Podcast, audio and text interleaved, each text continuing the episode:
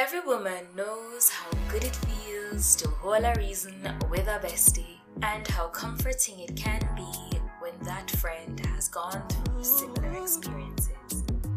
Big Woman Ting is a podcast where Jamaican high school friends who drifted apart in their 20s reconnect in their 30s and find refuge in each other's company in this new chapter of their lives. The now long distance friends reflect on their teenage perceptions and discuss what they now understand in womanhood.